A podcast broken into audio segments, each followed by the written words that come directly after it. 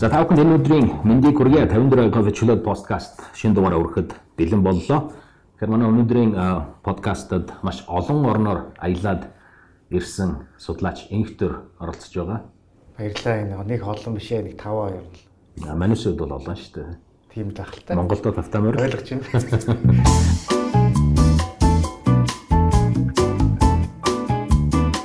Аман Токиогоос үндсэн хуулийн нэмэлт өөрчлөлт судлаач болцсайхан оролцож байгаа. Уучлаарай та сарлаг судлаач гэж хэлж байгаа дараа нь буруу хэлж хэлсэн юм.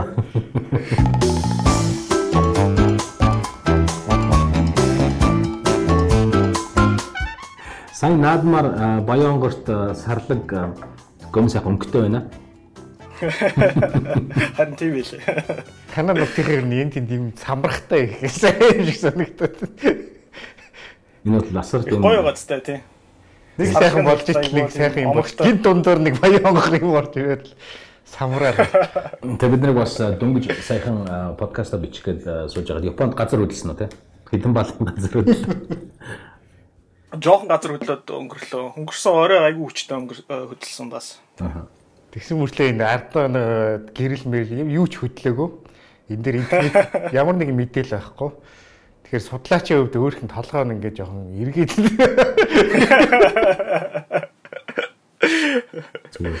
А товчхондоо бас нэр асуухад инхтер хэд орноор аялсан?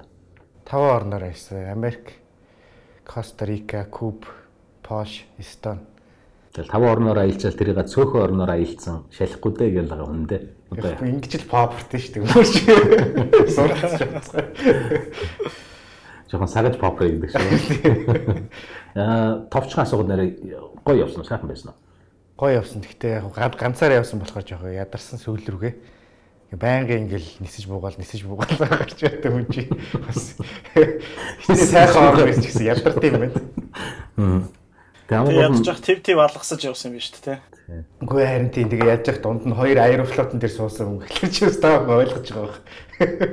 Гэтэ атархмаар э, сайхан л явсан. Гол нь энэ аяллаа цаад учир нь юу гэхээр бас нэг шинэ контент бэлтгэх тийм үү?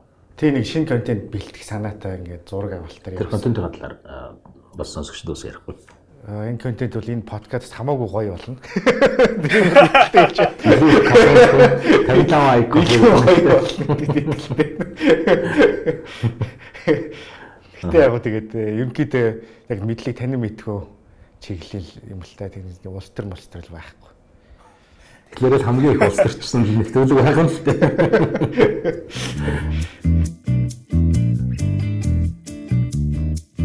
За тэгээ өнөөдрийн сэдвэх юм бол бид үндсэн хуулийн нэмэлт өөрчлөлт гэдэг сэдвээр тавханд мэдээлэл хэлэлцүүлэг бүргэе гэж байгаа. А ер нь үндсэн хуулийн нэмэлт өөрчлөлттэй холбоотой ер нь яг юу болоод байгаа? Ямар хөө өөрчлөлтүүд, ямар хөө хөлбрүүд яригадаад байгаа? Энэ өөрчлөлтүүдийн үр дагавар нь юу юм? Хамгийн гол нь энэ дундаа та сонгогчийн хувьд, иргэний хувьд ямар зүйлийг мэдэх хэрэгтэй юм бэ гэсэн иймэрхүү сэдвүүдийн хүрээнд ярих байгаа. Гэхдээ уламжил уламжил ёсоор тэрний өмнө өмнөх дугааруудын дараа ирсэн сонсогчдын саналыг бас хэлье гэж бодлоо. За намайг магцсан юм байна уу? Инхтөрийг инхтөр байхгүй байна. Байхгүй. Угаасаа уншаад хэрэг байгаа юм. Энэ подкастын туршид инхтөрд эерэг үнэлгээ өгсөн ганц ч комент байгаагүй шүү. Баясаа баясаа. Түүхс өгөх үл асуултаас юм байна. Тэрийг дараа нь бодсон чинь инхтөр өөрийнхөө нууц аккаунтаар өгсөн. Тэгээд ер нь ихэвчлэн бид нарыг анхаарах юм гэдэг юм бол подкаст 7 хононгийнхоо дугаарыг цагтаа явуулж явуулах зүгээр байна гэсэн подкастууд. Яг яасын хот зурдаг юм байна цагаан байр инхтөр өгсөн. Зүгээр. Тэгээд 10 дугаар 9 дугаар дугаар бол хамгийн сайн үзүүлэлттэй байсан дуурайд байна. А зүгээр Батцэнгэл сонсох дуртай подкаст юм нэг. Телевиз үздэг улс төр сонирхдаг над шиг хүнд бас таарсан юм байна гэсэн first flower гэдэг нэртэй сонсогч маань хамгийн олон комментиг ирүүлсэн байгаа. Төвдөж очиж амьдрах амьдрахаа шийдсэн гэд тэгж байна.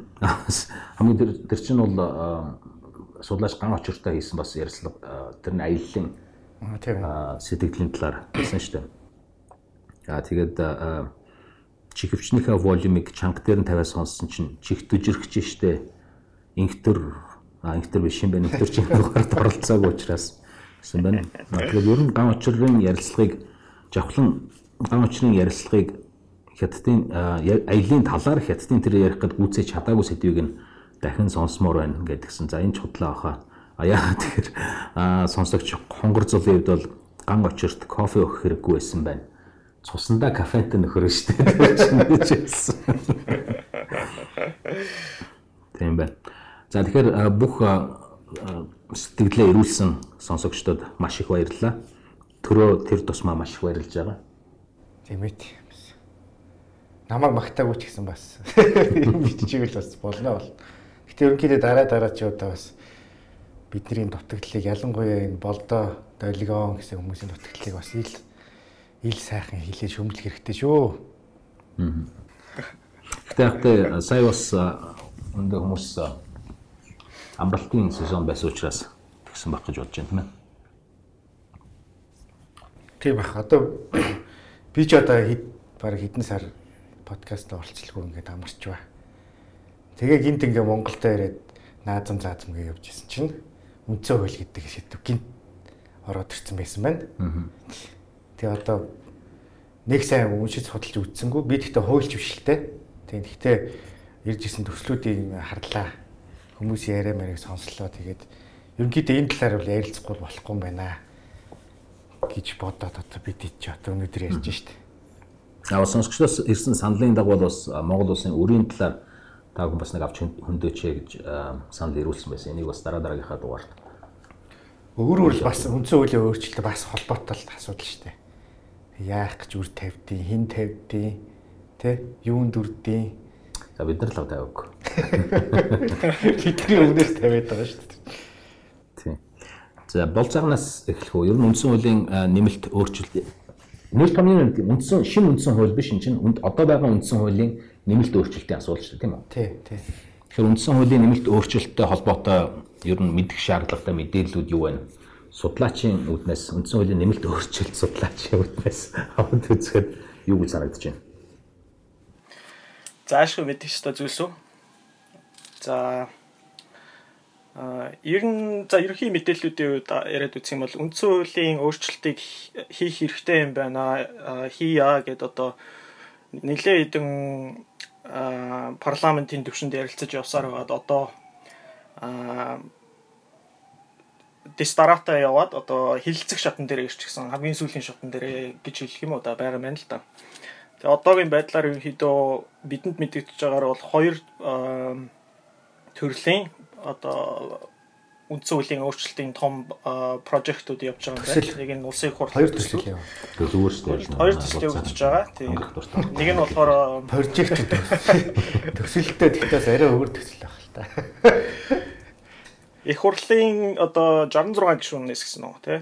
66 гишүүний гарын үсэг зурсан улсын хурлын гишүүдээ санал болгож байгаа нэг төсөл явагдаж байна. За мөн ерөнхийлөгчөөс санал дэвшүүлсэн төсөл мөн хилцэгдэж байгаа юм байна. Тэгээд энэ хоёр төслийн ялгаатай зүйлсүүд нь юу байна вэ? Юун дээр нь анхаарах хэрэгтэй вэ гэдэг дээр бидэд ярилцаад явж болно доо. За инхтрөө инхтрөө хувьд анзаарсан зүйлсүүд юу байна вэ? Тэрүүр яриад хэлсэн дээр баг. Үгүй эхлээд ер нь үндсэн хуулийг өөрчлөх цаг нь босног бол болсон. Тэрэн дээр бол бүрэн санал нийлж байна. Тэгээ ягаад гэвэл ер нь үндсэн хуулийн дундаж наслт ер нь олон улсад 25 жил гэдэг юм байна Манайх ч одоо баг 92 оноос хойш эхлэр чи хэдэн жил болчихоо. 30 хэдэн жил болчихоо. Гэхдээ тэр донд нь бол нэлээд өөрчлөлтүүд оруулаа яваад байсан шүү дээ. Гэхдээ нэг э, цөөхөн 7 өөрчлөлт орлоо тийм 7 тийм. Тэгэхээр одоо нэг э, өөрчлөлт оруулах цаг нь болсон. Гэхдээ хэрвээ энэ өөрчлөлт хэрэг одоо энэ өөрчлөлийг батлах юм бол одоо дараагийн одоо амьдралын бидний амьдралын 30 жилийг одоо энэ үндсэн хууль тодорхойлно гэсэн үг шүү дээ. Тэгэхээр бид нэр одоо За би арх удгүй тамхи татдаггүй спорт хичээлдэг болохоор дараагийн өөрчлөлтийг үүсэх байх. Манай босол подкаст оролцогчд маань одоо үзээч гүйч. Тэгэхээр энэ дээр бас бүгдээрээ сайн анхааралтай суугаад саналаа оруулаад явсан зүгээр болов гэж бодож байна л та. Үндсэн хуулийн өөрчлөлтийг хийх цаг нь заашгүй болсон юм байна гэж үзэж явах шиг байна. Маш олон хүмүүс их төртэй санал нэгдэж явах шиг байна л та. Тэгэхээр эндээс нэг асуулт гарч ирж байгаа. Тэрний юу вэ гэхээр яг юу нь болохгүй байгаа юм бэ? Ямар асуудалтай байгаа юм? яагаад тийм асуудал гараад ирж гисэн. Энэ асуудлыг одоо тэгээд яаж шийдэх гэж байгаа юм бэ гэдэг ийм нэг хоорондоо холбоотой 3 4 асуултууд байна л да. Тэгэхээр ер нь өнгөрсөн одоо одоо өнөөгийн өндөрлгөөс харахад өнгөрсөн 30 жилд болохгүй байсан асуудал юу юм? Улс төрийн хувьд хамгийн том асуудал юу байна уу гэж үзэж байна уу? Та хоёроос асууя. Гэхдээ ерөнхийдөө ингээл манай улс төрчдийг ярьж гэлээд тахтан ямар нэгэн болохгүй болохоор заавал үндсэн хууль руу нэг юм блэм хийдэг нэг тийм ажиглаад ажиглагтаад идэх хэвхэв. Тэгэхээр болохгүй бол энэ үндсэн хууль буруутай үндсэн хууль хоцрогдож байна. Тэгэхээр би бол нэг үндсэн хууль хоцрогдсон гэж бол боддггүй яг л үндсэн хууль бол айгүй манай 92 оны үндсэн хууль бол мундаг тийм их юугүй үндсэн хууль. Хамгийн гол нь үндсэн хуулиа мөрдөх гэдэг асуудал дээр одоо манай улс төрчд маш асуудалтай гэж би хардаг үндсэн хууль зөрчсөн юм одоо улаан зам хийчээ дараа нь одоо цэцэр дүгнэлт гаргуулаа тэгээ ингээд цаашаа явдаг. Эсвэл үндсэн хууль заагаагүй юмнуудыг өөртөө нэмэлт хуулиар одоо органик хууль гэж яриад нэмэлт хуулиар шинээр зохиогоод өөртөө үндсэн хуулиар олгохтойгүйс эрх үүргүүдийг хууль баталж өөртөө өгөөд ингээ ингээ явсаар хагаад энэ үндсэн хууль гэдэг одоо одоо яг үзэл баримтлал нь те тэр нь одоо алдагдаад ингээ болцсон. Тэгэхээр энэ энэ одоо алдаад цаашд яаж давтагдахгүй байх вэ гэдэг тэр л бүгдээрээ анхаарах хэрэгтэй болов гэж байна. Одоо маш супер үндсэн үйл батлаа гэж бодъё. Гэтэл дараачийн парламент гарч ирээд тэр үндсэн үйлээ үзэл баримтлаа мөрдөхгүйгээр хаа хамаагүй хуулиуд батлаад тэрийг нөгөө нэг өөрсдийн томилсон цэцээрээ батлуулаад яваад ивэл энэ юу ямар ч хэрэг байгаа. Ингиж хэлцэх хэрэг байгаа ч юм уу.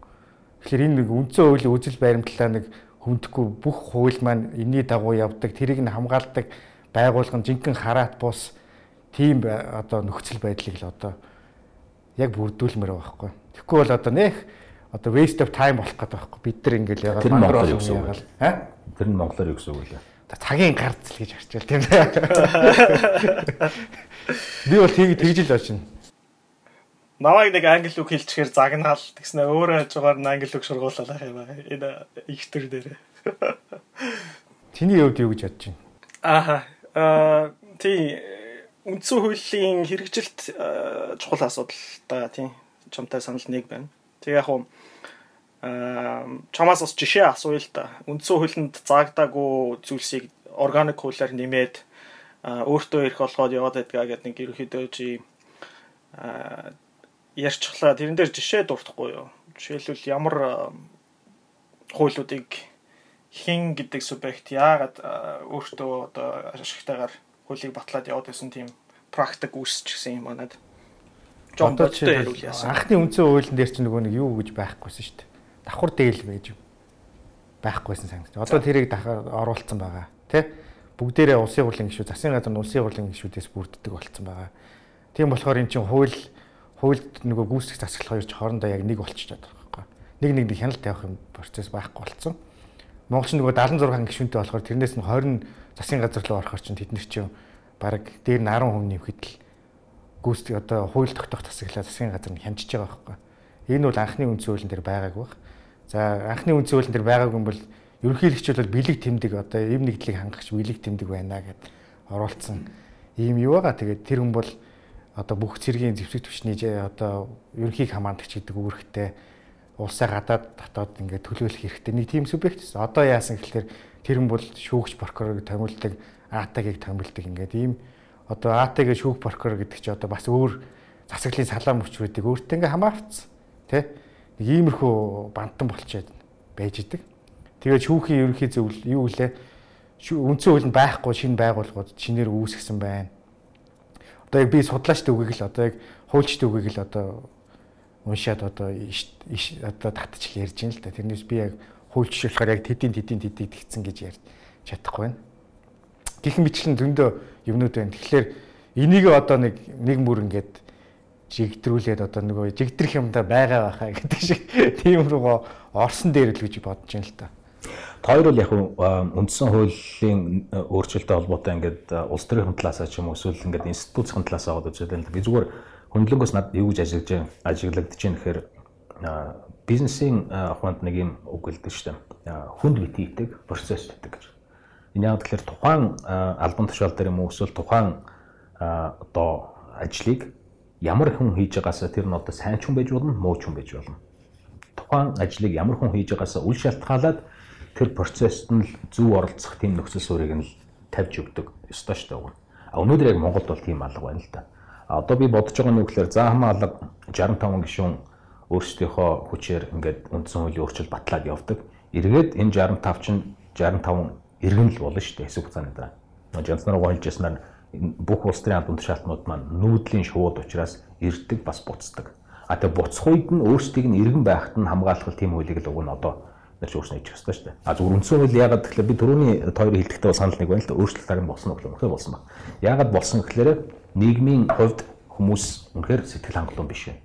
Ягаад сэтгэл хангалуун биш байгаа гэхээр эдийн засгийн үр өгөөж нэхэлэх сайхан баян оронд амьдраад байгаа юм шиг мөртлөө одоо тэднэрт хүртэж байгаа юм ерөөсөө алга байна. Баян хоосны ялгаа их байна. А ядуурл ихсэж байна. А эрүүл амьдрал хөтлөх ерөөсөө ямар ч арга алга байна. Орчин бохиртой гэсэн. А ингээд тэр Монгол юм уу эсвэл одоо зүгээр л нэг энгийн амьдралаа аваад явах тэр хүсэл мөрөөдлөө биелүүлэх ерөөсө боломж одоо байхгүй байгаа учраас л хүмүүсийн бухимдал дээд зэгтээ өрцөн. Тэгээд энэ дээр нь улс төржилтөнд ч нэмсэн одоо сайн зүйл авчирсангүй популистууд нь ч гэсэн сайн зүйл авчирсангүй. Тэгээд ерөөсөө нэг сүүлийн 20 хэдэн жил товтнол ярьдаг хийсэн юм үр дүн ерөөсөө байхгүй болчоод хүмүүс өөрчлөлтийг хүсэж байгаа гэж магадгүй байна. Тэг энэ үл гэхдээ яг үндсэн үйл тэр нь шууд одоо буруутай ихт бол хэцүү л дээ. Үндсэн үйл бол ерөнхийдөө бол нэг вишн шүү дээ. Одоо алсын хараа бид нар нэг ийм ийм одоо хүрээнд ийм ус байгуулна тий ийм замаар яг нөгөө нийгмийн гэрээ гэж яриад байдаг шүү дээ. А тэгээд энэ зүйл бол ерөөсөө огт хөндөгдөхгүй суур эрхэм байх юм байна. Суур үндсэн байх юм байна. Энийний хүрээнд бусад хуулиуд нь явна гэдэг. Тэгээд ингээ хараад үзэхлээр чинь бүх одоо эрүүл биш юмнууд бол Монгол яг нэг нөгөө шөмжлөхөр бол байна л да. Одоо юу гэж яддаг юм. За үндсэн хууль зөрчсөн нь батлагдаад нотлогдоо тэгээд албан тушаалаасаа хэдэн жилийн өмнө огцорч байсан хүн нь одоо хууль зүйн сайд хийгээ явж явах жишээтэй ч юм уу. Иймэрхүү эрүүл бус юмнууд байгаад байгаа учраас яг одоогийн нөхцөл байдал нь үүссэн гэж харж байна. Зүгээр яг энийг зүгээр нэг хүнийг одоо муулж яа эсвэл сайлж яа гэдгээс илүүтэйгээр ийм процесс нь эрүүл биш болсон учраас хүмүүс бухимдал дээдсэгтэй хүрээд байгаа юм биш үү гэдэг ийм л зүгээр л ажилтан дээр үндсэн дүгнэлт юм шүү. Гэхдээ тийм тийм. Гэхдээ болдоогийн зүгээс одоо гаднаас харахад одоо одоо зөндөл улсууд ингээл манахтай адилхан үндсэн хуультай л байгаа бах адилхан системтэй тогтолцоотой л байгаа. Тэгсэн мөртлөөсөө хөгжөөд байгаа улсууд байна. Хөгжихгүй байгаа улсууд байна. Тэ? Яг юун дээр нь тэр ялгаа надад яг юм дээр үндсэн хууль нь тэгэхээр ч үндсэн хуулиндаа биш байгаа даа байхгүй. Яг одоо төстэй төстэй системтэй мундаг баян сайхан улсууд байдаг. Төстэй системтэй мөртлөө нэг тасархаа үндсэн хуультай мөртлөөсөө жинхэнэ диктатуртай улсууд ч байна шүү дээ. Тийм үстэй. Аа. Тэгэхээр энэ дээр ялгаан дээр нь одоо яг одоо яг гадны улс төр судлаачийн үүднээс бол яа ямар нэгэн дүгнэлт одоо судлаад юм хийсэн л байгаа бах л та.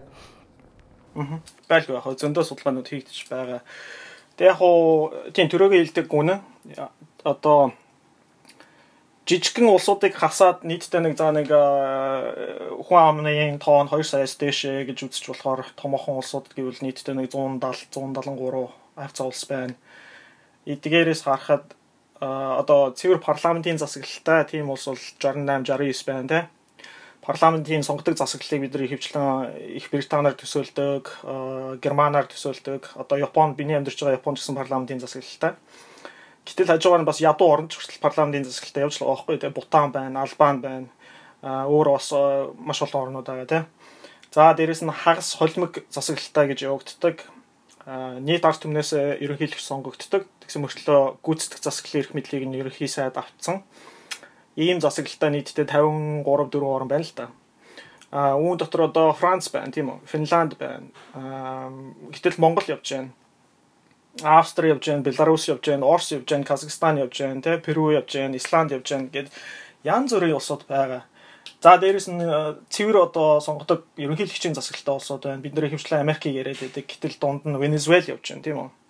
А Латин Америкийн ихэнх орнууд ерөнхийлөгчийн засаглалтай байдаг. А манай Азад Солонгос ч гэдэм Филиппин. Тэгэхээр төрөөгийн хэлгээд байгаа санаа бол зөв л дөө. Үндсэн хуулиар дамжуулаад эрх мэдлийг хуваарлж өгдөг. Төрийн засгийн газрын бүтэц ямар байх вэ гэдгийг бас шийдэж өгдөг.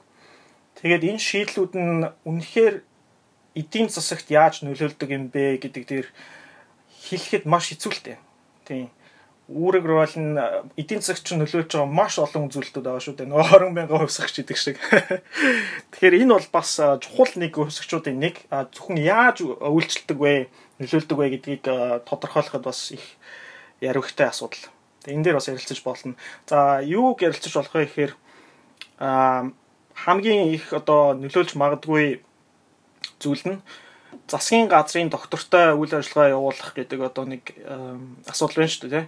Сүүлийн үед Монголд дундаж засгийн газрын насалт чинь 1.8 жил байсан байна.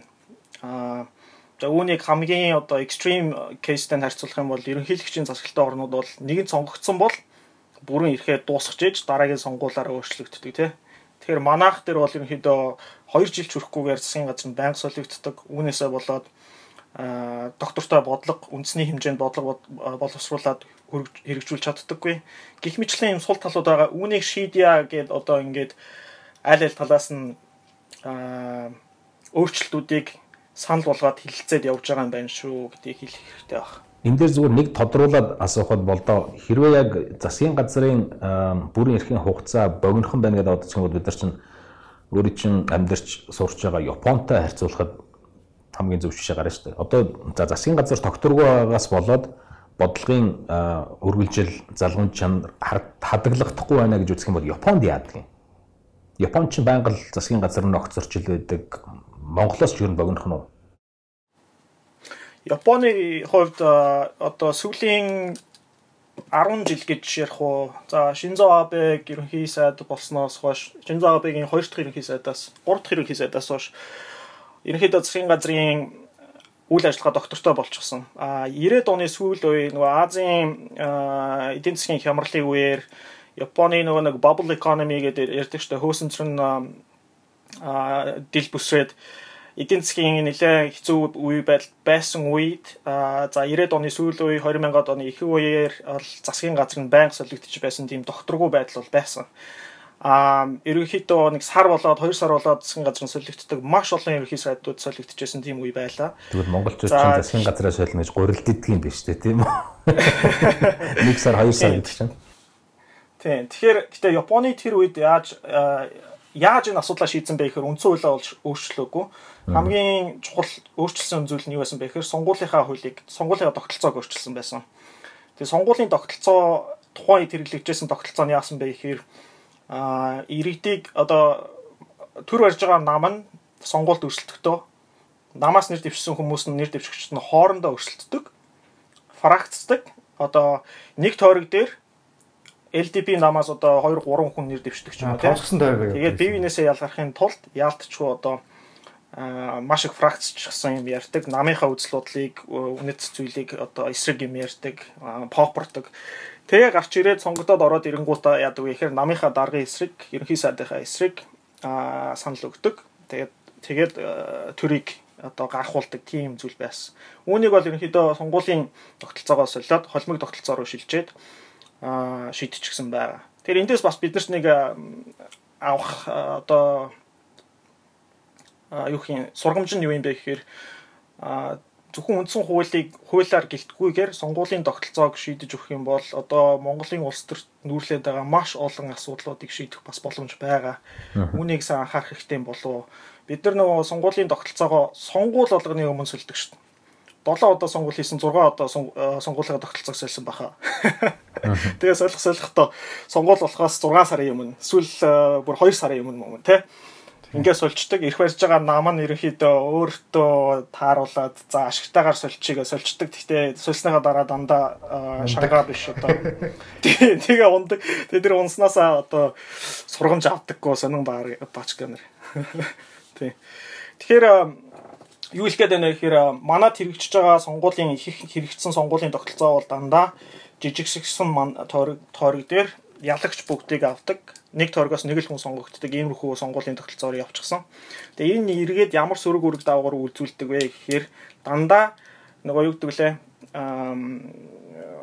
улс нийтийг олон нийтийг харсан одоо нийтийг хамарсан үндэсний хэмжээний бодлого бодловсруулдаггүй боддоггүй зөвхөн жалга дов жалганы үзэлтэй За тэгээд төсвөөс хэдэн төгрөг олоод буцаагаад өөрийнхөө сонгогдсон тойрог дээр авчид тэрийг иргэдэд маа гэж өгдөг, бэлэг сэлт болгож өгдөг, мөнгө тараадаг. Ингээд сонгогдож гарч ирдэг. Тэгэхээр энэ бол үнэхээр эдийн засагт ч юм уу а бас улс төрийн процесстой ч сөрөг нөлөөтэй ийм зүйл байгаа. Тэгэхээр энийг солио гэдэг юм бол бид нар холимог тогтолцоороо явж болно. Японыг дагаад ч юм уу бусад орнуудад хэрэглэгдэж байгаа энэ шилдэг системүүдийг системүүдээ санаа аваад.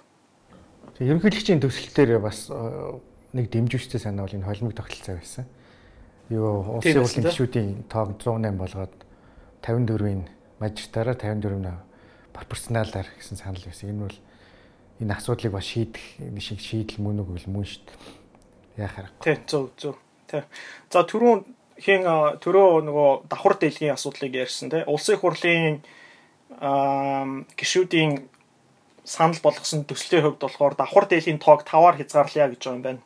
Энд нь ерхий сайдыг оруулаад а ерөнхийлөгчийн зүгээс болохоор зөвхөн ерөнхий сайдл давхар дээлтэй байна гэсэн ийм саналыг оруулж ирж байгаа юм л та. Тэр энэ дээр бас маш сайн ярилцж шийдэх хэрэгтэй. Манайхтай ижлэхтэр ер нь парламентын маягийн засаглалтай орнууд бол давхар дээлийг зөвшөөрдөг шүү дээ. Одоо тийм. Гэхдээ тэдний парламентын гишүүдийн тоон олон байгаа шүү дээ. Тий, харцсангуу тий одоо 200 хүнтэй парламент гэж нэг 10 хүн нь засгийн газарт ороход бол тэр парламент тэд нар бол юу нөлөө үзүүлж чадахгүй шүү дээ. Тэгэхээр юу гэсэн үг хэрвээ сонгогдох гишүүдийн тоог 108 хүргэсэн тохиолдолд давхар дээлтэй байж болно гэсэн үг. Болно шүү дээ. Болно. Тий. Тий. Тэгэхээр чи одоо манаас 76 ячаа тэгээ 10 евро засгийн газар руу орчих шин тэгээд засгийн газар юу улсын хурлыг хянчиж байгаа хөө засгийн газар. Эсвэл парламентын юу юу болгоно нэг фракцийн одоо тэргүүн болгоно сайд аваад тэг ерөнхий сайдаа нөгөө нэг юу яагаад шантажлаад сууж идэг. Тэгэхээр чин э, ерөнхий сайдын мөрийн хөтөлбөр биш фракц болгоны мөрийн хөтөлбөрийг ерөнхий сайд ерөнхийдөө хэрэгжүүлдэг юм болчиход байгаа байхгүй. Зүгээр ажиглахад ийм байт юм уу?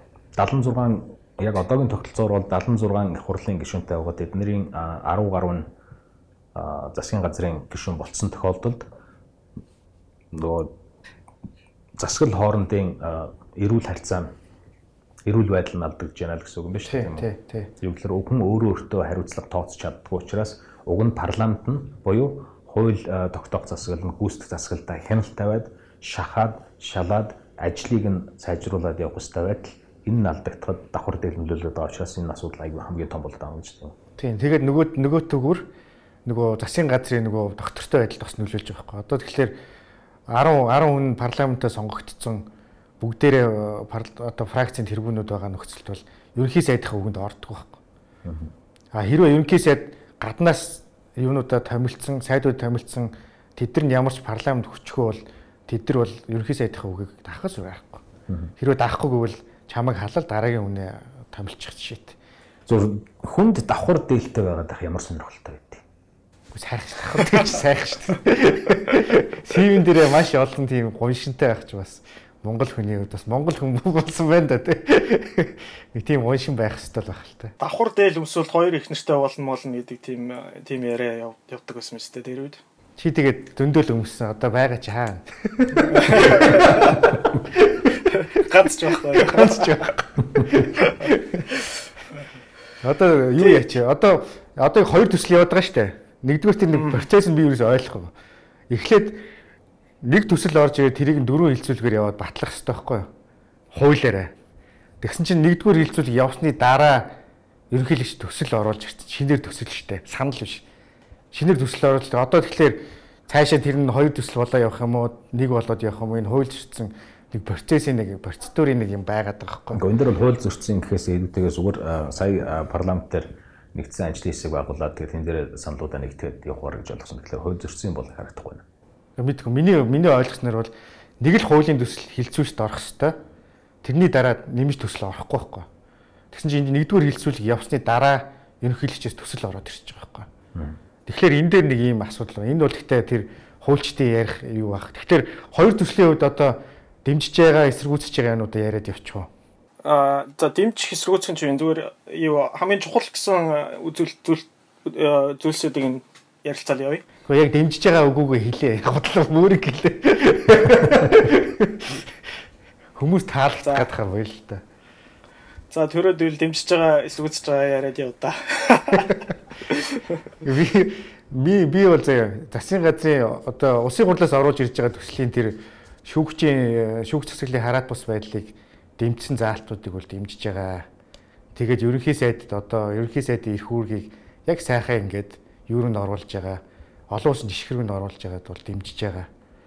А ерөнхийлөгчийн оруулсан төслөөс бол улсын хурлын гишүүдийн тоог нэмэхийг бол дэмжиж байгаа. Жишээ чи юу байлаа? А сонгуулийн тогтолцоог тал нь мажистрат тал нь холимог пропорционалаар явахыг бол дэмжиж байгаа. А гэхдээ хажуугаар ерөнхийлөгч маань нөгөө шүүгчийн хараа тус байдлыг одоо сайжруулсан заалтуудыг бүгдийг нь хүчингү болохоор оруулж ирж байгааг бол эсэргүүцэж байгаа. Шүүгч засаглал бол хараа тус байх хэвээр. Тэгээ энэ дээр бас бид нар дэмжиж байгаа дэмжээгүү гэдгээ хэлэхээс гадна яагаад тэгээд эн чинь ямар үр дагавартай гэдгийг сонсогчдод илүү төлхөө хэлчих юм бол илүү зүгээр байна. Та бүхний одоо судлаачийн үднээс бид нар бид нар судлаачийн хувьд одоо улс төр судлалын нэг нэг тэг нэг хичээл дээр үздэг юм чинь бол засаглал хуваах зарчим шүү дээ. Одоо бүх ардчилсан ардчилсан оронд бол засаглалын гурван салаа мөчөр байх хэвээр тэр нэг нэгийг хянж явах хэвээр нэгнээс хараат ус байх хэвээр гэдэг. Тэгжээж энэ систем чи явна уу гэж аль нэгэн тал руугаа хэлбичлэн чи явахгүй байхгүй. Тэгэхээр энд энэ зарчмаа л барих хэвээр. Энэ зарчмаар дагуу үндсэн хуулийн өөрчлөлтөө ингээ харахаар яг энэ заалтууд байх хэвээр гэдэг тийм энэ заалт байхсгүй гэдэг энэ талаас нь хараад байхгүй. Болцоогны үед. Ааха тийм энэ асуудал дээр бол төрөөтэй санал нэг байгаа. Аа та хоёр өнөөдөр яасан олон асуудал санал надаар яриулаад хараас нь дэмжиж яах. Шүүх засаглалын хараат бус байдал бол Монголд алдагдчихсан байгаа шүү дээ. Саяхан өнгөрсөн хавар бол шуугаан болоод өнгөрсөн. Манай сонсогч нар мартцсан байж магадгүй зарим нь санаж байгаа. Аа яг одоогийн байдлаар бол ерөнхийдөө Монгол улсын аль ч шүүгчийг үндэсний аюулгүй байдлын зөвлөлийн зөвлөмж гарснаар тодорхой нэг шалтгаангүйгээр шууд тэтгэлзүүлэх боломжтой болчихсон байна тийм шүүгч нараас гадна ерөнхий прокурорыг түүний орлогчийг авилгалтай тэмцэх газрын даргаыг гэх мэтлэн одоо хууль хяналтын маш том том албан тушааллуудыг бол ерөнхийдөө улс төрөөс хараатай бие даасан шудраг ажиллах боломжийг нь хаачихсан ийм байдалтай байгаа. Үүнийг бол үндсэн хуулийн өөрчлөлтөөр улсын хурлаас засъя гэсэн саналтай байгаа юм байна. Энэ засахтаа миний ойлгосноор бол шүүхийн ерөнхий зөвлөлийг а тавыг нь 10 гишүүнтэйгээр бий болгоод тавыг нь улсын хурлаас томилдог үлдснийг нь бол одоо төрөл бүрийн шүүгч нараас өөртөөс нь дундаас нь сонгуулдаг ийм систем рүү шилжих гэж байгаа юм байна л да. Шилжих саналтай байгаа юм байна.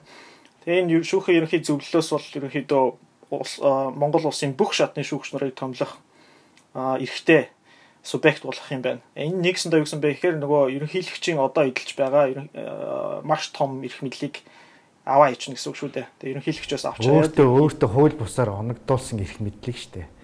Үндсэн хуулийн бус сүүлийн 30 жилийн практикаас одоо үүдэлтэйгээр одоо нэгэн л ерөнхийлөгч ерөнхийлөгч шүүгчдийг томилдог болчихсон. Юуныг бол одоо бойлуулах шинж улсын хурлын зүгээс бол явах саналтай байгаа юм байна.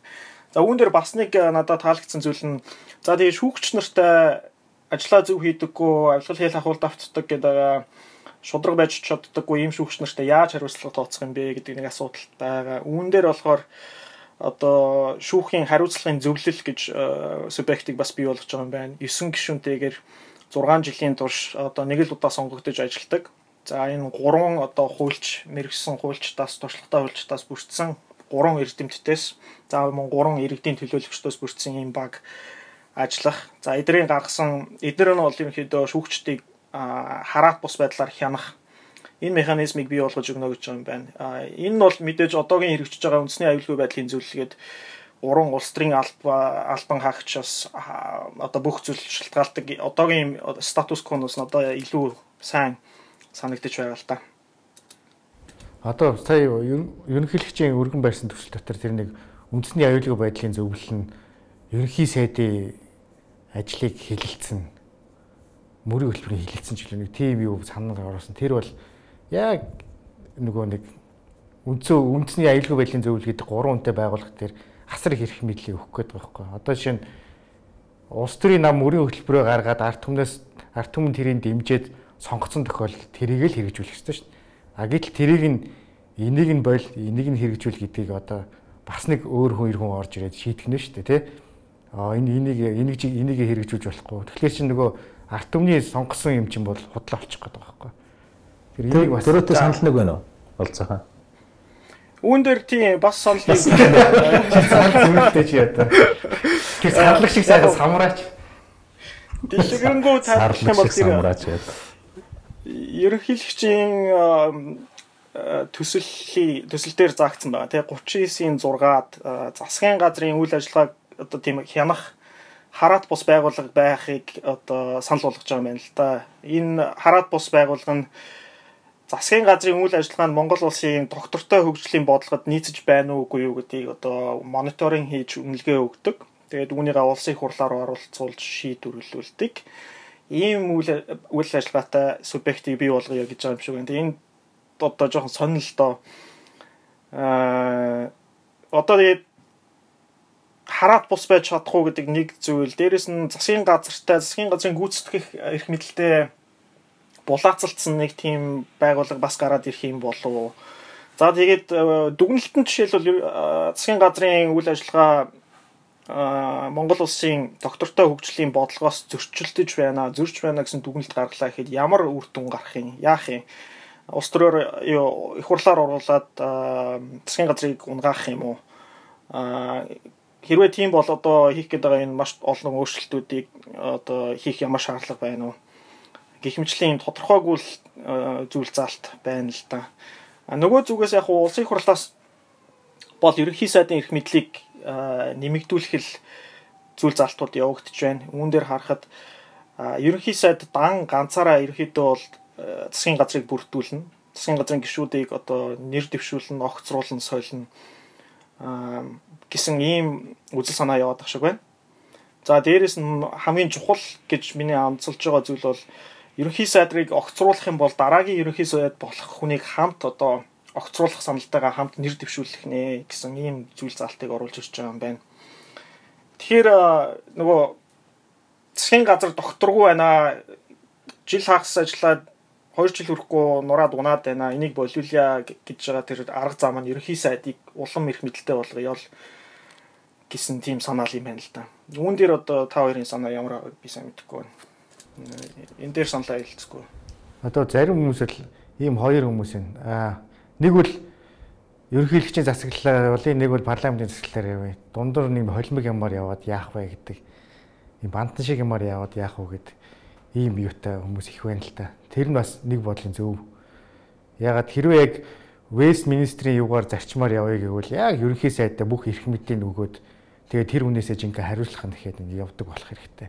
Тэгэхгүй бол ерөнхийлөгч нь ажил хийдгүү, ерөнхий сайд нь ажил хийдгүү, нэг нэг нэгэ хөшүүрдээд хинээс нь хариуцлага нэх нь одоо нэг одоо тодорхойгүй юм байдлаар бол хариуцлагын тогтолцоог нь илүү сайн тодтогж өгч. Тий. Тэгээ хэрвээ нэгэнд нэг хүнд эрх мэдлээ яг өгч ивэл ажлынх нь ажил хийх эрхийг өгч ивэл бас хариуцлага нь яг тэр хүнээс л нэгтгэл тийм л одоо яг хариуцлага хүлээх субъект нь яг тодорхой болох хэрэгтэй байхгүй.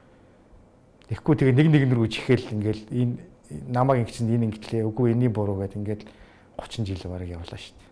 Үүн дээр яг одоо нэмж ярих зүйл гэвэл 2000 онд бид нар үндсэн хуулийн өөрчлөлтүүд хийсэн шүү дээ. Энэ үндсэн хуулийн өөрчлөлтөөс хоошоо Монголын засаглалын тогтолцоо бол ер нь парламент руу орчихсон. Парламентын засаглалтай болчихсон шүү дээ. Ер нь бол яагаад хэлж байгаа гэхээр бид нар сонгуул хийдэг. Сонгуулаараа иргэд маань парламентын гишүүдийг сонгодог. Парламент нь засгийн газрыг сонгодог. Засгийн газартай буцаад хариу хариуцлага тооцдог. Энэ бол ерөөсөө Westminster гэж яриад байгаа тэр сонгодог парламентын тогтолцоо шүү дээ.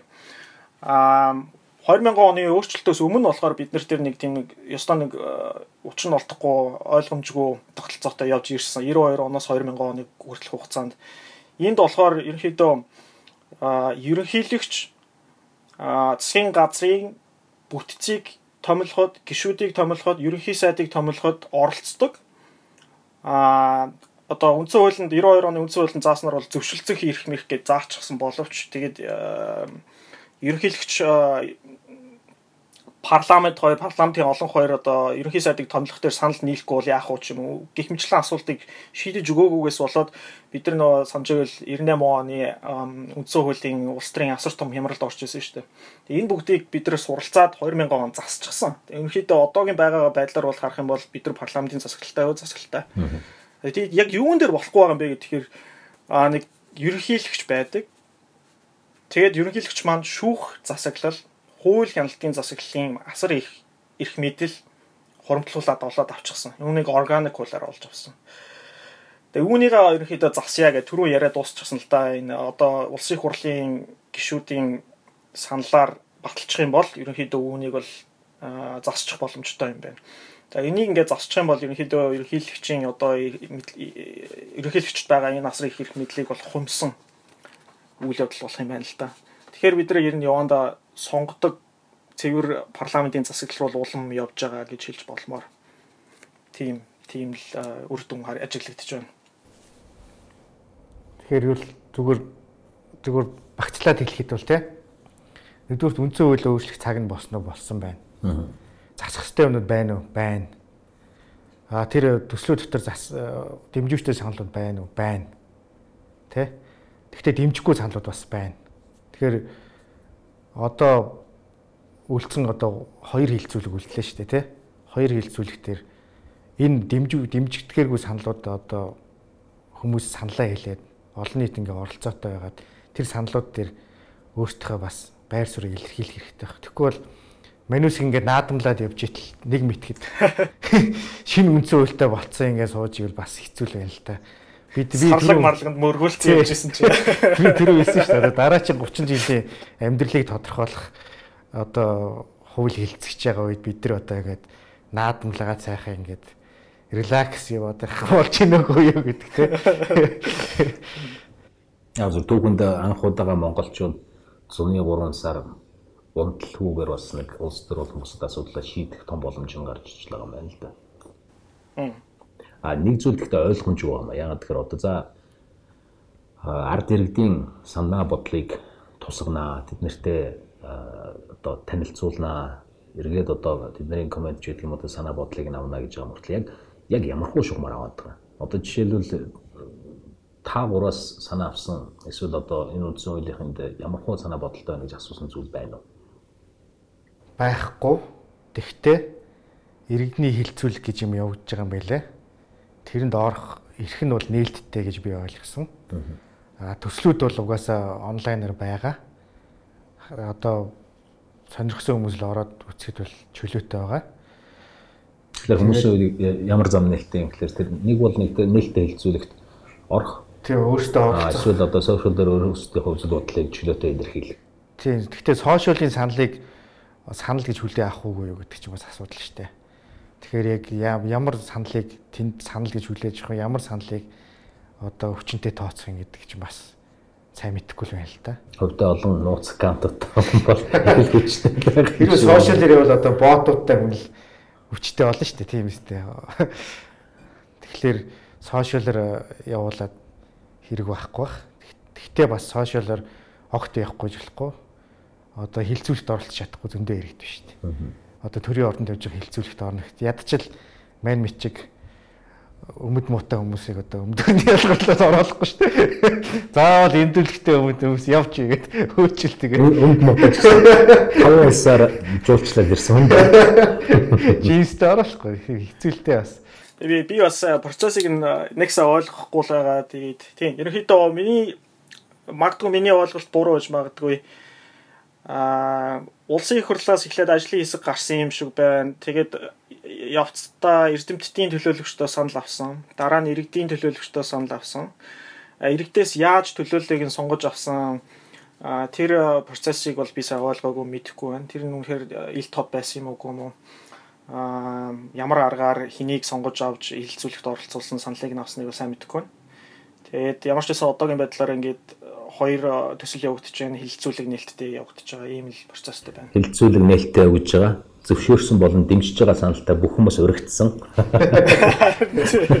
Тиймэрхүү маяг. Гэхдээ яг нэгэнт одоо 2.5 сая одоо 3 сая хүний 3 саялаа зөвшөөрж иж батлна гэдэг юм бол байхгүй шүү дээ. 3 саялаа мэдчихэж юм бол тэгээд олонхын сандаад байгаа л. Тийм. Тэгэхээр одоо яг л нөгөө нэг нийгэмд идэвхтэй одоо яг үйл ажиллагаа явуулж байгаа энэ улс төрийн үйл ажиллагааны одоо бодит үр дүнг нь өөр дээрээ хүртэж байгаа хүртдэг тий хүртэх магадaltaй тэр хүмүүс маань өөртөө идэвхтэй оролцохгүй бол биднийг өөр өөрөх хэвээр хилцэх хэвээр гэдэг ингээ хүлээгээ сууж болохгүй бах тий бид нар өөрөх хэвээр хүлээгээ сууж итэл нөгөөд бол минь өрлөгөөр нэг сони юм баталчвал тэгээд бид нар үндсэн хуулийн дараа чи 30 жил одоо тэр хүмүүсийнхаар амьдрна гэсэн үг шүү дээ.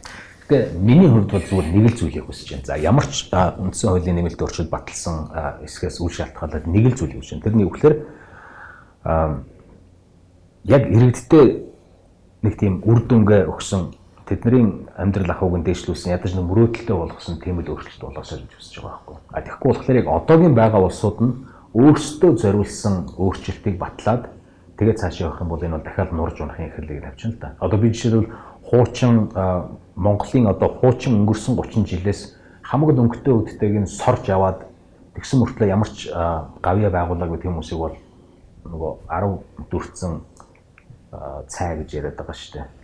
Тэгээд тийм 10 дүрцэн цайнууд маань өөрсдөө одоо юу гэж байдгийг шат шатны засгийн газарт бүгдээрэнд нь сайдын албан тушаал ажилласан улсын хурлд маш олон удаа сонгогдсон албан тушаалын 8-нд маш их оролцсон өргөнөөр тэгээд хамгийн өнгөтэй өтөө байж болоход бүх юмыг нь шимж сорж авсан мөртлөө одоо энэ нийгэм чинь болохгүй байна. Одоо энэ нийгэм чинь ингэ хэрэгтэй гэж яриад байгаа нь өөрснөө чинь өрөөсгöd байгаа байхгүй юу? Тийм учраас зүгээр энэ байгаа улсууд маань нэг ч гэсэн удаа сэтгэл гаргаад за миний ингэж одоо найдаж байгаа нь магадгүй нэг талаараа хитрхи гинэн маягийн сонсогдож магадгүй л дээ. А тэгвэл үнэхээр л цаашаа энэ улс чинь бас нурж унахгүй шүү нурж унахаас сэргийлэх ёстой шүү гэх юм бол тэр 10 нугалт 10 дүрцэн цайнууд маань хүртэл нэг удаа нэг ч гэсэн удаа иргэдийнхаа төлөө нэг шийдвэр гаргаад зөв шийдвэр дээр оролцоосоо гэж тусч байна л да. Тэр ганц удаж байгаа. Тэг чи техник итгэлтэй байна.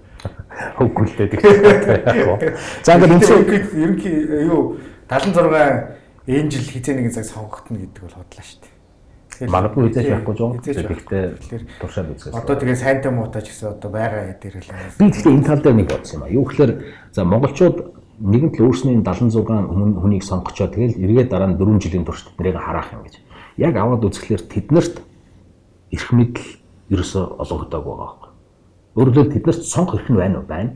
А гэхдээ ямар хүнийг сонгох вэ? Бид нар ч мэдээж одоо ямар нэгэн байдлаар айтайхан хүн сонгочихыг бодно шүү дээ. Тэр боломж нь ерөөсөө байхгүй байгаа байхгүй. Тэгэхээр энэ улс төрийн намууд бол энэ сонгуулийн хуулийн сонгуулийн тогтолцоо яг иргэдэд тэр өөрсдийнх нь сонгох эрхээ эдлэмлэх тэр хөлбрийг нь илүү их гаргаж өгөх боломжтой юм шиг байна. Энд дэр юу гэж бодож байна болцсайхаа? Надтай санал байна. Хаач өнөөдөр бүгд үнтэй санал байна. Тий. Улс төрийн маркет одоо зах зээл гэж ярих юм бол нөгөө нийлүүлэлт тал нь айгүй муу юм л да. Supply side нь айгүй муу. Дандаа айгүй мяа бараа бүтээгдэхүүн шахаад байна гэсэн үг шүү дээ тий. Тэгин гутлаа нөгөө худалдаа авч байгаа хүмүүсээ буюу сонгогч нарыгаа одоо боловсрол муутай байж идэм үү юу гэдэг чинь муулдаг мяалдаг ийм байдал явагдаад байгаа. Тэгээ энэ нийлэлт ягаад муу байгаа юм бэ гэхээрээс л намтай холбоотой. Намын хоёр том нам улс төрийн бүх орон зайг эзэмшсэн өөртөө тааруулсан сонгуулийн системийг явуулдаг. Тэгээд бусад намч гэсэн ойлгохтой намууд намууд алга байна л да. Одоогийн байдлаар яг хөө тийм. Гэхдээ нөгөө би бол тэгж мэдээд байна. Би бол орон зайг нь өгөхгүй байгаа байхгүй. Ерөнхийдөө тийм ингээд тийм мэдрэмж байгаа. Араас Тэр иргэд түрүү иргэдийг яриадсан иргэдийн зүгээс нөгөө намуудад аягүй итгэдэггүй шүү дээ. Намуудын рейтинг бол маш муудаг. Хамгийн бага рейтингтэй институтүүд байдаг шүү дээ. Шүүхийн доор хүртэл ирдэг тий. Тэгэхээр намын санхүүжилтийг ил тод болгох, дээрэс нь намууд одоо бодлогоороо ялгарах vision хоёр өөр төрлийн vision иргэдэд одоо үзүүлэх бид нар ийшээ ямаараа нийшээ ямаараа гэсэн хоёр өөр төрлийн одоо тэр ирээдүйг гаргаж ирэх тэгжээж мэдээж бодлогоороо өвнөт зүйлээрээ ялгагдчихээж иргэд сонголтоо хийх боломжтой болно. Одоогийн байдлаар хоёр ном нь яг ижилхэн юугаар ялгагдтiin бөө мэд бүгдээрээ ижилхэн юм амладаг. Бүгдээрээ цэвэр агаарыг амгалдаг. Бүгдээрээ авилгалын эсрэг тэмцэнэ гэж амладаг. Бүгдээрээ эрүүл мэндийг сайжруулна гэж амладаг. Бүгдээрээ эдийн засгийг хөгжүүлнэ гэж амладаг. Тэгээ яаж юм мэдэхгүй. Аа дээрөөсөө тийм учраас иргэд айгуу сэтгэл дундуур байгаа нь ойлгомжтой Тэгэхээр миний хэлэх гээд байгаа санаа юу гэхээр үндсэн хуулиар шийдэх боломжтой мүү юм уу? Энэ дээр бас ярилцах ярилцгийг бол нэлээд цаг орно. Гэхдээ намуудын чанарыг сайжруулах. Энэ ерөөсөө л хамгийн том асуудал. Монгол улсын ирээдүйд нөлөөлөх хамгийн том зүйл бол энэ намуудын бодлого боловсруулах чадвар хоорондоо бодлогоор өрсөлдөх энэ энийг л одоо бий болгох хэрэгтэй байгаа юм да. За тэгэхээр намуудын чанарыг яаж сайжруулах вэ гэхээр бушуухан докторийнхоо ажлыг дуусгачаад Монголд уцаж ирдэг бол доо. Тэгээд газар хөдөлгөөтэй жоохон багасах заяа. А тэгэхээр юу гэдэг юм аа нэг Оспаны намд бүтээ ороорой бус нь өгчөлтэй шүү дээ. Оспаны чи юу нөгөө бол Бацаанда хоёрын. Шинэн Монголын хамгийн богинохон настай намаар тодорсон юм шүү дээ. байгаа үстэй чинь. Байгаа л та. Тэгээ цаасан дээр байгаа ч гэсэн нөгөө ард түмний сэтгэл өвгцсөн байхгүй юу? Гүү гүү би дэмжигч хүмүүс байлаа би сая наадмаар явж байгаа. Тэр тоо асар цөөрсөн байл. Би бүгдэнтэй ярилцсан. Дэмжигч хүмүүс байлаа байлаа. Гэтэ тэд нарыг тэр хүмүүсийг оршуулах бол эрттэй би зүгээр тэрийг хараад бодчихлоо.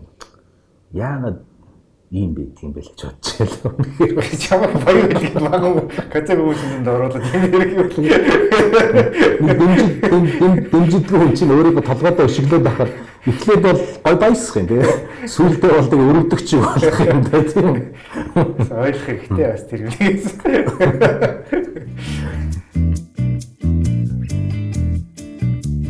За ингээд үндсэн хуулийн нэмэлт өөрчлөлттэй холбоотой за ер нь юу болоод байгаа ямар хөө өөрчлөлтүүд яригдж байгаа гол нь энэ өөрчлөлтүүдийн үр дагавар нь юу байх юм гэдэг тал дээр нэлээд төлхөө ярьсан. Маш товчхон зүгээр яг одоо эндээс ахуулаад үндсэн хууль магадгүй батлагдах байлгүй. Тэгээд тэр хүртэл хүмүүсийн хувьд юу анхаарч явах ёстой гэж бодож байгаа. Иргэдийн хувьд сонсогчдын хувьд бол одоо хуульчд бол ингээл манай хуульчд бас нэг зүйлийг ойлгомоор байна. Ингээд манай манай гэдэг нь юм. Аа? Манай гэдэг нь манай Монголын хуульч маань ярихаараа ингээ заримдаа бас иргэдэд ойлгомжгүй ингээ баахан зөвлөн яриад энд энд энд энд энд явчихдаг. Тэгэхээр иргэд болон хууль хуулийн мэдлэг муутай мань мичиг хүмүүс сайн ойлгохгүй байгаа. Тэгэхээр тэр мань мичиг хүмүүс зариулсныг тийм юу одоо ярихтаа бас тэрийг бас одоо ойлгох байдлаар ярмаар байна. А бид нэр тэд нарыг ойлгох байдлаар ярихаас хүлээхээс өмнө ерөөхдөө нэг засаглах хуваах зарчим гэдэг юм яг сайхан ойлгох. Нэг гурван салаа мөчөр байх хэвээр нэг нэг хянжаах хэвээр нэг нэг хараат бас байх хэвээр тэрийг нь хангаж юу гэдгээ одоо хамгийн түрүүнд одоо харах хэвээр үндсэн хуулийн нэмэлт өөрчлөлтөөс. Тэрийг хангаж ивэл сайн байна. Дэмжих хэрэгтэй. Хангахгүй юм байвал эсэргүүцэх хэрэгтэй саналаа өгөх хэрэгтэй.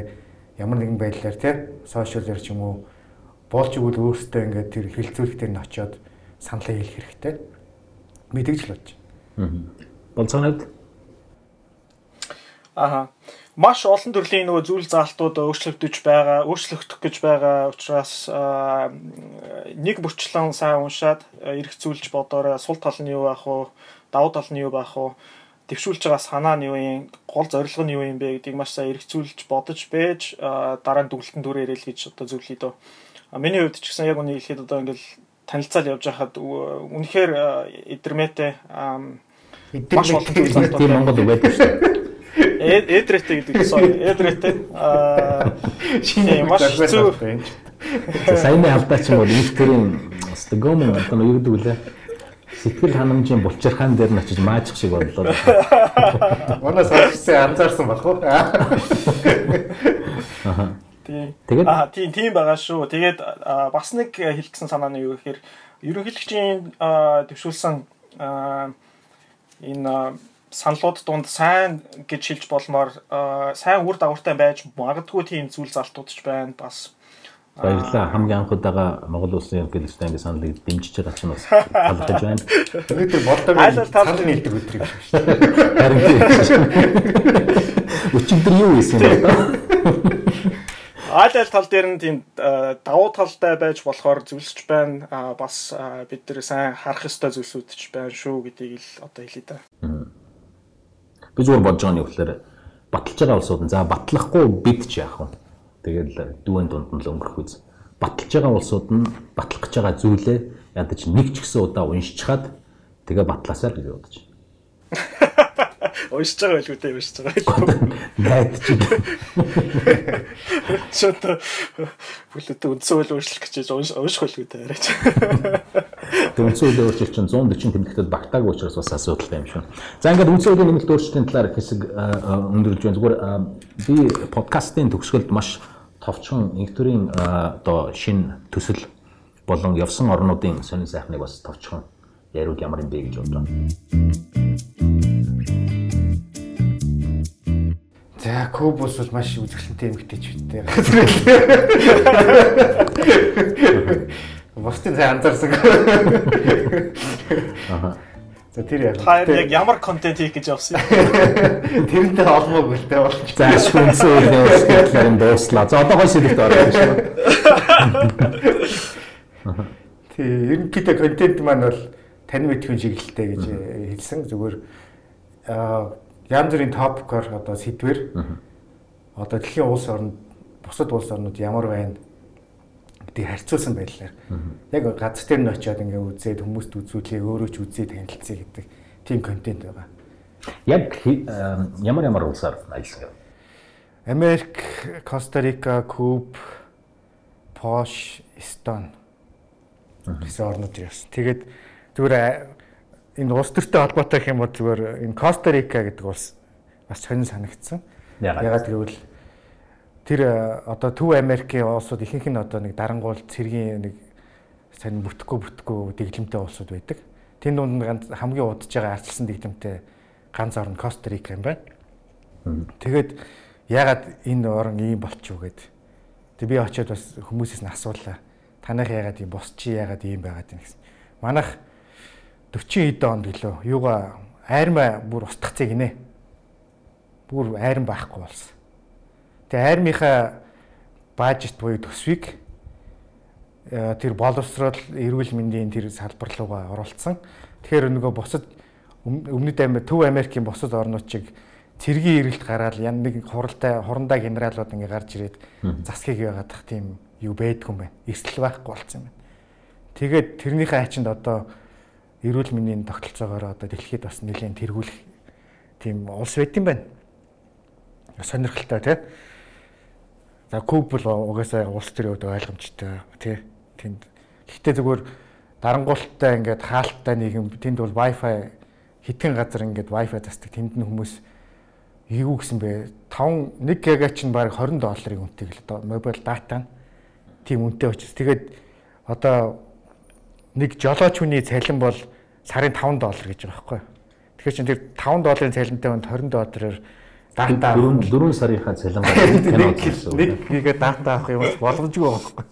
Тэгэхээр тийм хаалттай юу байна. Гэхдээ хаалттай ч гэсэн нэг авах штеп хүмүүс маш сайхан эрүүл сарвал одоо эрүүл амьдрал хийм маягтай байна л та. Тэнд бол стресс багтай сайхан алхсан, спорт хийсэн тийм сайхан уур амьсгал одоо бас бодгол хэрэгтэй. Позитив 5 долларын цалин авдаг мөртлөө бид нар ч гэсэн сар 5 доллар өгөөд интернетийг хаачаад бид нар бас сайхан болно.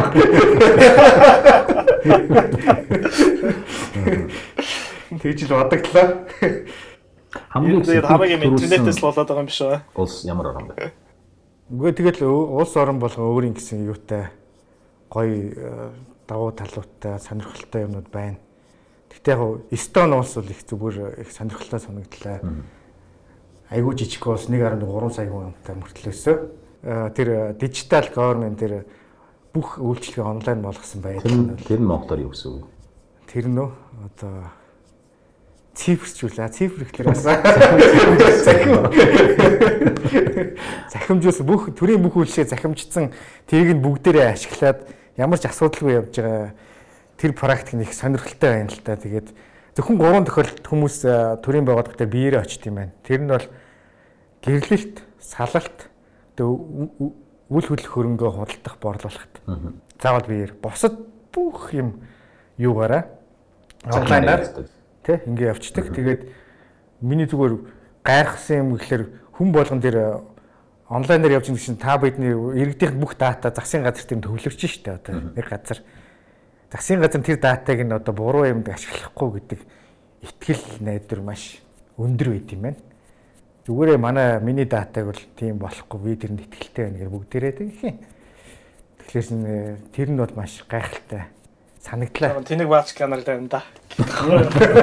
Гэхдээ нэг ганц ганц кейс гарсан гэж байгаа байхгүй одоо хэдэн жилч болж байгаа одоо онлайн захимжуулаад тэг чинь нэг цагдаа хүүхэн одоо бойфрендийнхаа те найз залуугийнхаа евро нэвтэрч ингээд харсан. Тэр нь илрээд одоо тэр хүн хариулга үлээс нэг л тийм л кейс байгаа юм байна. Тэрийг нь яаж мэдсэн гэсэн чинь өөрийг нь хардтал нь шеэрлсэн байсан. Тийм л кейс байгаа. Босдоор бол ямар ч асуудал гарсангүй үдий боллоо гэж байна. Зүгээр сая аяллаа чинь ингээд 5 улсаар 5 орноор хамарсан аялал боллоо гэж бодоход зүгээр яг манай монголчууд ч юм бол ялангуяа залуучууд бол аялах сонирхолтой болсон байгаа шүү дээ. Тэгээд хамгийн түрүүчийн дугаарт бол одоо гавчар оролцоод төвдөр аялсан, хятадын баруун талаар аялсан, зүүн талаар аялсан гэдэг бүх юмнууд ярьж байхад яг юу бэлтгэх хэрэгтэй, хичнээн зардал гарсан юм гэж ярьсан л зүгээр хэцүү байв. Бэлтгэл удаан хийсэн үү эсвэл ер нь юун дээр анхаарах хэрэгтэй юм шиг. Хэрвээ одоо энэ сонсогчны дундаас мэдээж Коста Рика ч юм уу эсвэл Куб руу ч юм уу аялахаар бодож байгаа хүмүүс байж болно шүү дээ. Тийм. Ерөнхийдөө нэг л зарчим байгаа шүү дээ. Монголоос аялал явахад Монголоос яаж хийж гарах хэвээр. Тэр үедээ яг тийм аяллахаа зардлыг 40 50%-аар хэмнэе гэж үл эхлэн Монголоос яаж ирээд мөлхөөж басан гарах хэвээр. Тэрнээс цаашаа бол аялалч маш хямдхан болно гэдэг бол тэр бол тодорхой. Би тэгэл ерөнхийдөө одоо бүх юм онлайн болсон, бүхэн хийж гин плед те зочид буудлынхаа бүгдийг онлайнаар захиалахад ямар ч асуудалгүй болцсон. Монголын банкны картууд маань ингээд хаач гэсэн үйлчилж байна те. Тэгэхээр энэ дээр явхаас өмнө энэчнээс бүх интернетээр бүх мэдээлэл аваад захиалгаа өгөөд явчиход бол ямар ч асуудал алга. Бүгд би бол бүгдийг тэгэж явсан. Ямар нэгэн асуудал бол гарсангүй. Зүгээр хамгийн зүгээр ганц нэгэн хямдхан нөгөө нэг эйрлайнууд э, эдэн штэ. Баажт эйрлайнууд гэж ирдэг те нэг 50 60 доллараар нисчдэг 100 доллар ийш хочин байна.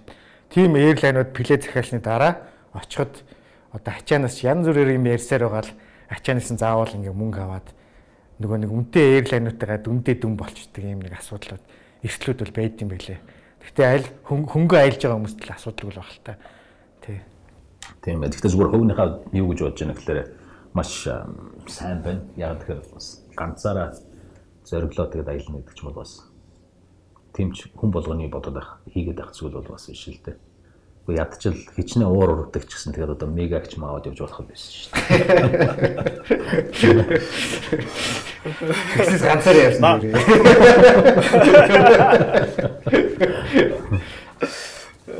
За ингээд 50 дурай кофе подкастынхаа 11 дахь дугаарыг та бүхэнд хүргэлээ. Тэгээ дараа дараагийн дугаарыг бид бас та бүхний сонирхож байгаа сэдвэр явуулвал зүгээр гэсэн саналуудыг маш их ярьж байгаа учраас та бүхэн ямар сэдвийг сонирхож байна тэгээд бас тэр нь мэддэг байх юм бол бас хэцүү дээ. Энэ сэдвүүдийг та бүхэн бидэнд бас санал сэтгэлдээ харамгүй явуулаарай. Явуулж байгаа их баярлалаа бас. Тийм тэгэхээр энэ үндсэн хуулийн нэмэлт өөрчлөлтийн сэдв бол нилээ явах уу? Энэ бол Юу ч гэсэн эхлээд уншаад 10 сар 10 сар бол баг ерөнхийдөө явах бах батлагдaltaй те. Тэгэхээр энэ талаар бас бид нэр дараа дараагийн подкаст дээр хүндчил таарах бах. Тэрнээс одоо яг яачаа тэгээд орхичих асуудал биш. Энэ бол нэлээд том асуудал. Тэ? Болцоо. Тийм тийм. Тийм тийм. Аа. Санал байна. Энэ чааг оруулахыг байгаа уу гэсэн үг юм санал. Дараа дараагийн асуудлаар яг уу тэр өрийн тухай асуудлаар ярилцаж бас болох байх. Өөр нэг дээр үед санал болгож байсан сэдвүүд байсан. Тэднийг бас эргэж харна бах тий төр нийгэм илээ төр хувийн хөвшлийн хамтрах хамтарсан ажиллагаа нэтрэ гэдэг тийм зүйл бас яригдчихсэн санагдчих байна. Гэх мэтлэн нэлээд нь сэдвүүд байгаа. Тий. Тий. Гэхдээ бас зүгээр би хайлт хэлэхэд бол зүгээр зөвхөн Монголын улс төр биш бас гадаад улс төр бас айгүй зарим нэгэн анхаарал хандуулах юм болж байна. Тэрнээс манай хоёр хүчт болж байгаа юмны бас нөгөө нэг тусгал нь манад бас ирдэг Тийм болохоор бас зарим нэгэн талаар заримдаа тэр хоёр өршийнхээ асуудлыг бас ярьж ивэл бас зүгээрэж магадгүй сэрэмжлүүлж яахгүй бол те. Сэрэмжлэх юм байгаа мó. Байна хоёр талд бас эвгүй юм болж байна. Тэгэхээр бид нар бас тэрэнд анхаарал хандуулах бол болохгүй болов гэж бодож байна. Дэлхийн дахинд болж байгаа үйл явдлаас жиш дуртах юм бол тийм сая ихтрийн ярьсан шиг хойно 1000 гаруй жагсаал жагсагч нар цагдаа нарт баригдсан байлаа. Ерөнхийдөө Москвад гэсэн баха тий. Аа тийм. Аа Англид шинэ ерөнхий сайдтай болсон байна. Шинэ ерөнхий сайд Борис Джонсон гэдэг нөхөр ерөнхий засгийн газраа бүрдүүлчихсэн байна. Тэгээ засгийн газрын гишүүд нь бүгдээрээ парламентын гишүүд байлаа. Давхар дээлтэй баач канар байна. Чи яа Хонконг ярихгүй. Ханаас мар 218 одоо парламентын гишүүнтэй учраас тэрнийх асуудал байхгүй зү. Тийм Англид бол тийм асуудал байхгүй л. Тэгээ тэгэхээр ерөнхийдөө энэ давхар дээлийн асуудлыг ер нь улсын их хурлын гишүүдийн тоог нэмээд шийдчих болохоор асуудал л та. Тийм. Энийг тэг иргэд маань иргэд маань ерөнхийдөө тоог нэмэх ихээр дургуцаад байгаа. Яагаад дургуцаад байгаа гэхээр 76 таа байж ядчих чинь юу 108 амтаа болох. Ахиж нэмж идэх гэсэн баач канал нэмэгдэнэ гэдэг. Жохон дургу байгаа. Тэрэн дээр энийг үүнийг уулан сайн тайлбарлаад ойлгох хэрэгтэй. Тэр үчих болно. Одоо яг сая нөгөө бид нар ярьж жидүүгийн талаар нэг подкаст явсан шүү дээ. Жидүүдээр жишээ нь 60 эдэн хүнд ингээд нэг нэг 950 сая төгрөг өгтөл манай парламент ингээд ямар ч шийдвэр гарах боломжтой байгаа байхгүй. Тэгэхээр эн чинь бол асар хямдхан худалдаж авч болохгүй тооны хүн байгаад байгаа байхгүй. Тэгэхээр ядаж 108 болгочвол 108 тэрбум. Тийм ядаж 108 тэрбум болохоос. Яг космо бас юм даа. Тэглээс бас бодоод үзэрэй л гэж уриалаа. Тэгээд дахиад нэг жишээ ярихад нөгөө сүүлийн баахан маргаан дэгдээсэн хуулийг баталсан шүү дээ. Шүүгч нарын шүүгч нартай хариуцлага тооцдог. Энэ хуулийг батлахад би мартчих гэхдээ миний санаж байгаагаар мартсан юм яаж санаж байгаа юм бэ? 30 38 гишүүн билүү те улсын хурлын 76-гийн 50% гэхэр чинь 38 38 39 гишүүн санал хураалтанд оролцоод тэр оролцсон гишүүдийн олонх нь гэхээр за нэг 20 эдхэн хүн л ийм том бүхэл бүтэн улсын шүүх засаглалын хараад бус байдлыг шийдэж байгаа энэ том шийдвэрийг 20 эдхэн хүн л гаргачихж байгаа байхгүй. Ингээд бодоод үзэх хэрэгтэй бас бид нар. Тэгэхээр гişүүдийн тоог нэмчих юм бол одоо нэг гişүүний нөлөөнд автах ч гэдэм үү нэг хэдхэн хэсэг бүлэг хүмүүс хоорондоо ярилцж байгаад ийм том асуудлыг шийдэх боломжгүй болно гэсэн үг л дээ. Энийг бас ялцгал хэрэгтэй сэдв шүү. За за тийм л энэ. За ингээд өнөөдрийн дугаарыг энэ хүрээд өндөрлөе. Бидэнтэй хамт байсан сонсогч та бүхэнд маш их баярлалаа. Тэрийг сайн өнгөрүүлээ. За баярлалаа. Баяртай. Дараа уулзъя. За бай бай.